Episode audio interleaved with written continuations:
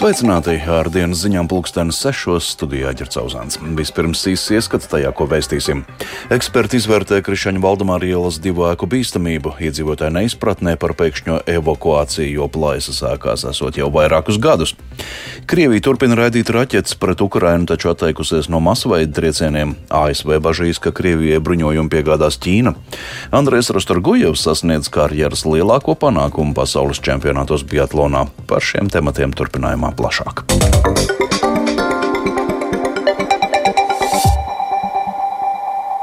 Atbildīgie dienesti joprojām neatklāja, kādi ir iemesli Krišaņa Valdemāra ielas ēku bīstamībai, no kurām vakar evakuēja iedzīvotājs. Tiek gaidīts certificēta būvinženieru slēdziens. Eksperts šodien sāka izvērtēt ēku bīstamību un ko ar tām darīt tālāk.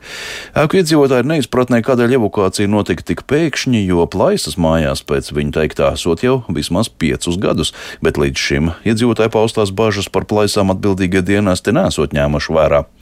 Rīgas mērs Mārtiņš Stāķis šodien sasauca operatīvu operatīvo sanāksmi un plašāk par tajā lemto un domas vadības tikšanos ar iedzīvotājiem Baibas Kušķis ierakstā.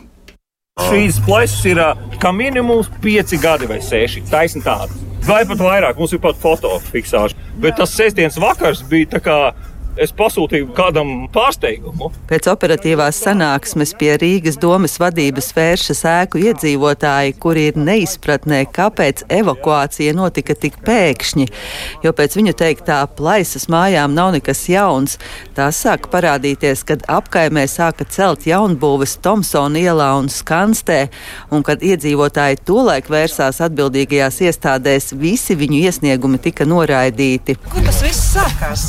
Jo mēs sēžam sēžam mājās un pēkšņi mums met ārā jau šausmīgi briesmīgs. Neviens nekādus krakšus neko nav dzirdējis. Mums nekas nav plīsis, nekas. Kas ir tas aizsākums? Kāpēc vispār tas viss vakar bija? Rīgas pašvaldības policijas pārstāvis Andrejs Aronovs iedzīvotājiem skaidro, ka par bīstamību ēkā policija vakar saņēma iesniegumu no valsts ugunsdzēsības un glābšanas dienesta, par ko acīm redzot bija informējis kāds iedzīvotājs. Viņi piesaistīja policiju, policija atbrauc uz šejienu, Vūks pieņēma lēmumu veicot šo apsekošanu, evakuēt iedzīvotājus saistībā ar potenciālu bīstamību, pēc tam tika pieaicināts būvinspektors, kurš apsekoja ēku un būvinspektors vakar pieņems lēmumu, ka šīs ēkas eksploatācija gan vienas, gan otras uz doto brīdi nav iespējama. Pēc šorīt notikušās atbildīgo dienestu operatīvās sapulces Rīgas mērs Mārtiņš Staķis atzina, ka šobrīd saistībā ar ēkām ir trīs svarīgi uzdevumi - sniegt atbalstu ēku iedzīvotājiem, novērst ēku bīstamību un saprast, ko darīt ar satiksmi, kas šobrīd ir slēgta Valdemāra ielas posmā no Šarlotes līdz Alojas ielai.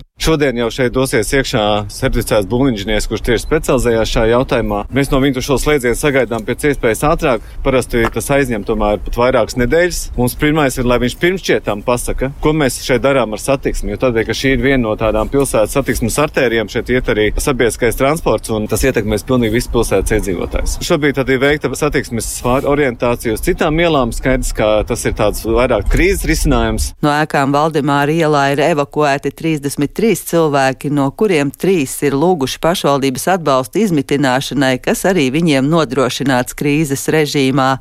Arī citiem iedzīvotājiem, kas šobrīd raduši patvērumu pie radiem vai draugiem, bet kuriem šāda krīzes izmitināšana ir nepieciešama, ir jāvēršas pašvaldības policijā, un arī viņi gūs atbalstu, stāsta Rīgas vicemēra Linda Ozola. Apzinoties, ka šie izaicinājumi varētu ieilgt, un tiem, kam ir nepieciešama ilgtermiņā palīdzība ar mājokli.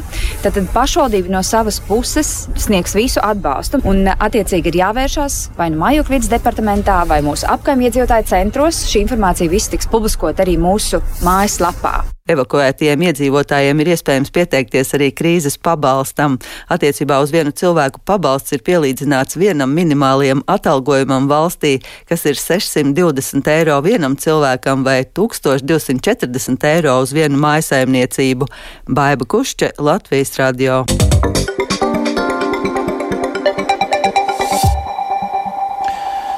Krievija arī šodien ar raķetēm un artēriju apšaudīja apdzīvotas vietas Ukrainā. Ukrainas militārā vadība uzskata, ka raķešu trūkuma dēļ Krievija atteikusies no masveida triecienu taktikas, taču nevarot izslēgt iespēju, ka Krievi pastiprinās uzbrukums pirms kara gada dienas 24. februārī. Savukārt ASV bažīs, ka Krievija varētu saņemt bruņojumu no Ķīnas. Plašāk Ulda Ķesberi ierakstā. Krievijas spēki šorīt ar raķetēm apšaudīja Druškivkas pilsētu Donetskas apgabalā. Uzbrukumā nodarīti postījumi divām daudzstāvu dzīvojamām ēkām un vairākām automašīnām, bet nav ziņu par cietušajiem.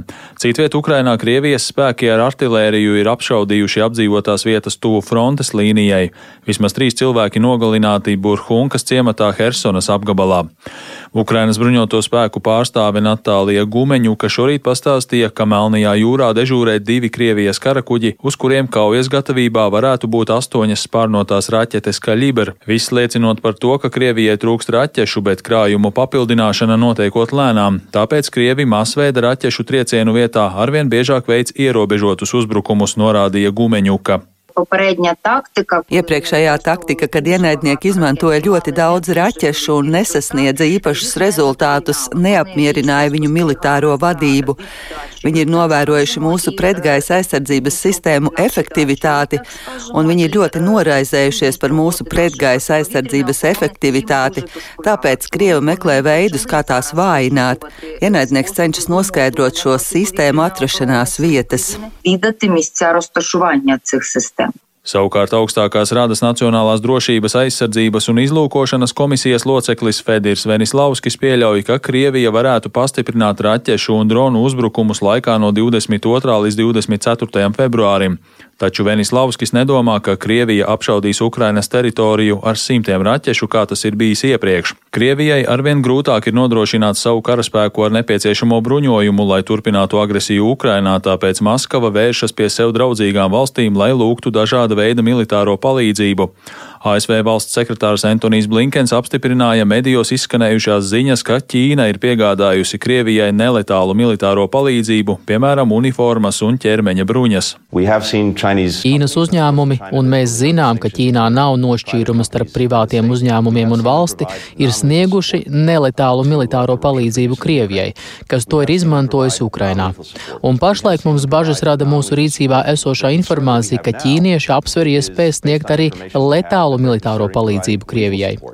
Ir virkne lietu, kas ietilpst šajā kategorijā, sākot no munīcijas un beidzot ar ieročiem. Un mēs, ķīniešiem, esam skaidri pateikuši, ka tas radīs nopietnas problēmas mūsu attiecībās. Tikmēr Ukraina ļoti gaida rietumvalstu bruņojuma piegādes. Francijas aizsardzības ministrs Sebastians Lekornu paziņojis, ka Ukraina nākamās nedēļas beigās saņems franču vieglos kaujas tankus AMX-10. Viņš neatklāja, cik daudz tanku saņems Ukraina, bet iepriekš Parīze solīja 14. Savukārt Britu laikraksts The Times raksta, ka Ukraina līdz aprīļa sākumam varētu saņemt tikai 50 rietumvalstu ražojuma kaujas tankus, lai gan bija lūgusi vismaz 320. Izdevums norāda, ka ar 50 moderniem tankiem var nepietikt, lai Ukraiņi spētu nopietni ietekmēt situāciju situāciju frontē. Uldis Česberis, Latvijas radio.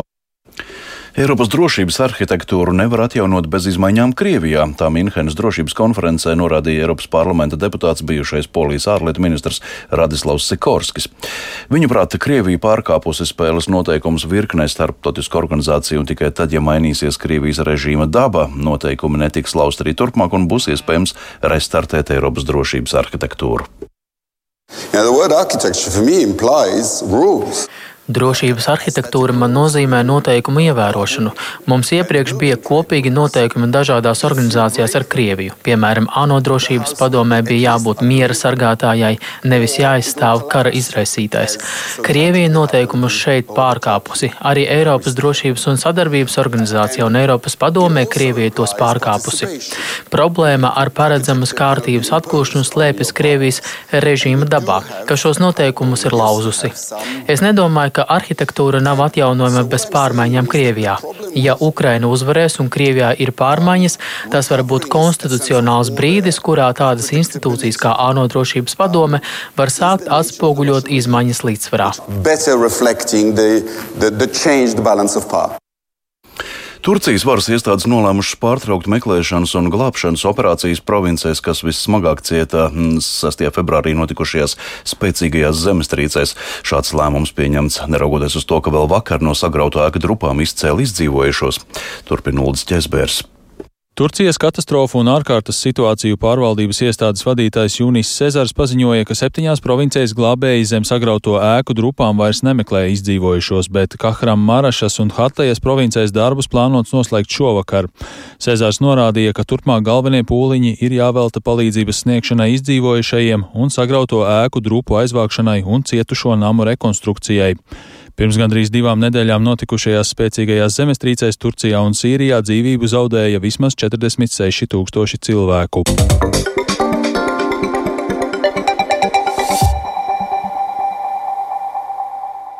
Un dienas programmas turpinājumā par sportu karjeras lielāko panākumu pasaules čempionātos Biatlonā šodien sasniedz Andrēs Rastorgujevs. Viņš 15 km distancē ar kopēju startu izcīnīja augsto piekto vietu. Bet vēl arī citi notikumi sportā un par tiem Reinis Grunspeņš. Sveiks, Reini! Jā, sveiks, ģērts, sveicināti klausītāji no Liepājas Olimpiskā centra. Šeit šobrīd norisinās Latvijas kausa fināls basketbolā, kur pērnā gada čempioni Vēfa Rīga tieks ar vietējo Liepājas komandu. Un šobrīd ir noslēdzies spēles pirmais puslaiks, pirms neilgu brīžu tas noslēdzās. Uh, nu, vispirms jāsaka, ka lieliska atmosfēra šodien spēlē šeit uz vietas. Uz Latvijas kausa finālu ir ieradušies uh, tik daudz skatītāju, lai piepildītu pilnas tribīnes, ņemot vērā, ka ieeja ir bez maksas, atmosfēra ir tiešām lieliska. Uh, Varbūt eh, to pat varētu salīdzināt ar Latvijas izlases spēlēm arēnā Rīga, eh, jo arī šeit eh, pirms spēles Latvijas himnu dziedāja visi kopā bez pavadījuma. Vienīgi šeit, protams, sēdietu skaits ir mazāks. Bet, ja runājam par pašu spēli, tad šis ir tikai otrais Latvijas kausa fināls pēc tam, kad pērn šis turnīrs tika atjaunots kopš 1994. gada.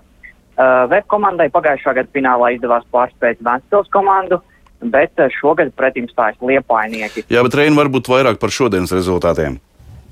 Jā, Vēs uh, komanda ir favorīta un pagaidām viņi to arī aplie, apliecina laukumā. Uh, pirmajā ceturdaļā Liepājai neizdevās uh, trāpīt daudz brīvus metienus. Uh, no tām metienu līnijas tikai 2 no 12 metieniem realizēti. Uh, tāpat arī problēmas aizsardzībā varēja novērot. Un uh, pārāk laukumā, laukumā nācās pamest Liepājas līderim Kārlim Šiliņam. Eh, kurš bija nopelnījis divas personīgās piezīmes. Un tā rezultātā pirmais ceturksnis noslēdzās ar divkāršu VF komandas vadību 24-12. Bet otrajā ceturdaļā liepainieki jau daudz uh, veiksmīgāk spēja realizēt tālmetienus. Īpaši labs padevās uh, otrā, uh, otrā ceturdaļas nogrieznis. Un šobrīd pēc pirmā puslaika rezultāts ir 40 pret 35. Jā, paldies, Reini. Reinis Grunspeņš no Liepājas turpinām sakot Latvijas kausa finālam basketbolā. Tur VF Rīga tiekas ar Liepājas komandu. Līdz ar to izskan dienas ziņas sešos. Tās producēja Viktors Pupiks, pārlaps skaņu rūpējās Ulds Grīnbergs un Kārlis Rašmans. Studijā ģercauzāns vēl atskats svarīgākajām. Eksperti izvērtē Krišaņa Valdemāra ielas divāku bīstamību, iedzīvotāju neizpratnē par pēkšņu evakuāciju, jo plājas sākās esot jau vairākus gadus. Krievija turpina raidīt raķetes pret Ukrainu, taču atteikusies no masveida triecieniem. ASV bažīs, ka Krievijai bruņojumu piegādās Ķīna. Yeah. Rīgā šobrīd ir 1 grāds, brāzmēnas ziemeļrietumu vējš 12 m2, atmosfēras spiediens 754 mm. Sinoptiķi brīdina, ka tuvāko stundu laikā vietām austrumu rajonos stiprs niks, sniega segas biezums palielināsies par 5-8 cm, gaidāms arī putenis un redzamība būs slikta. Arī naktī valsts austrumu rajonos stiprs niks un putinās ceļi būs slideni, uz tiem var veidoties sniega sanesumi, redzamība būs apgrūtināta. Vējš brāzmās sasniegs 19 m2, gaisa temperatūra mīnus 2 m mīnus 6 grādi, piekrastē no mīnus 1 līdz plus 1. Un arī rīt no rīta austrumos sniks, dienā no rietumiem gaidām nokrišņu zona.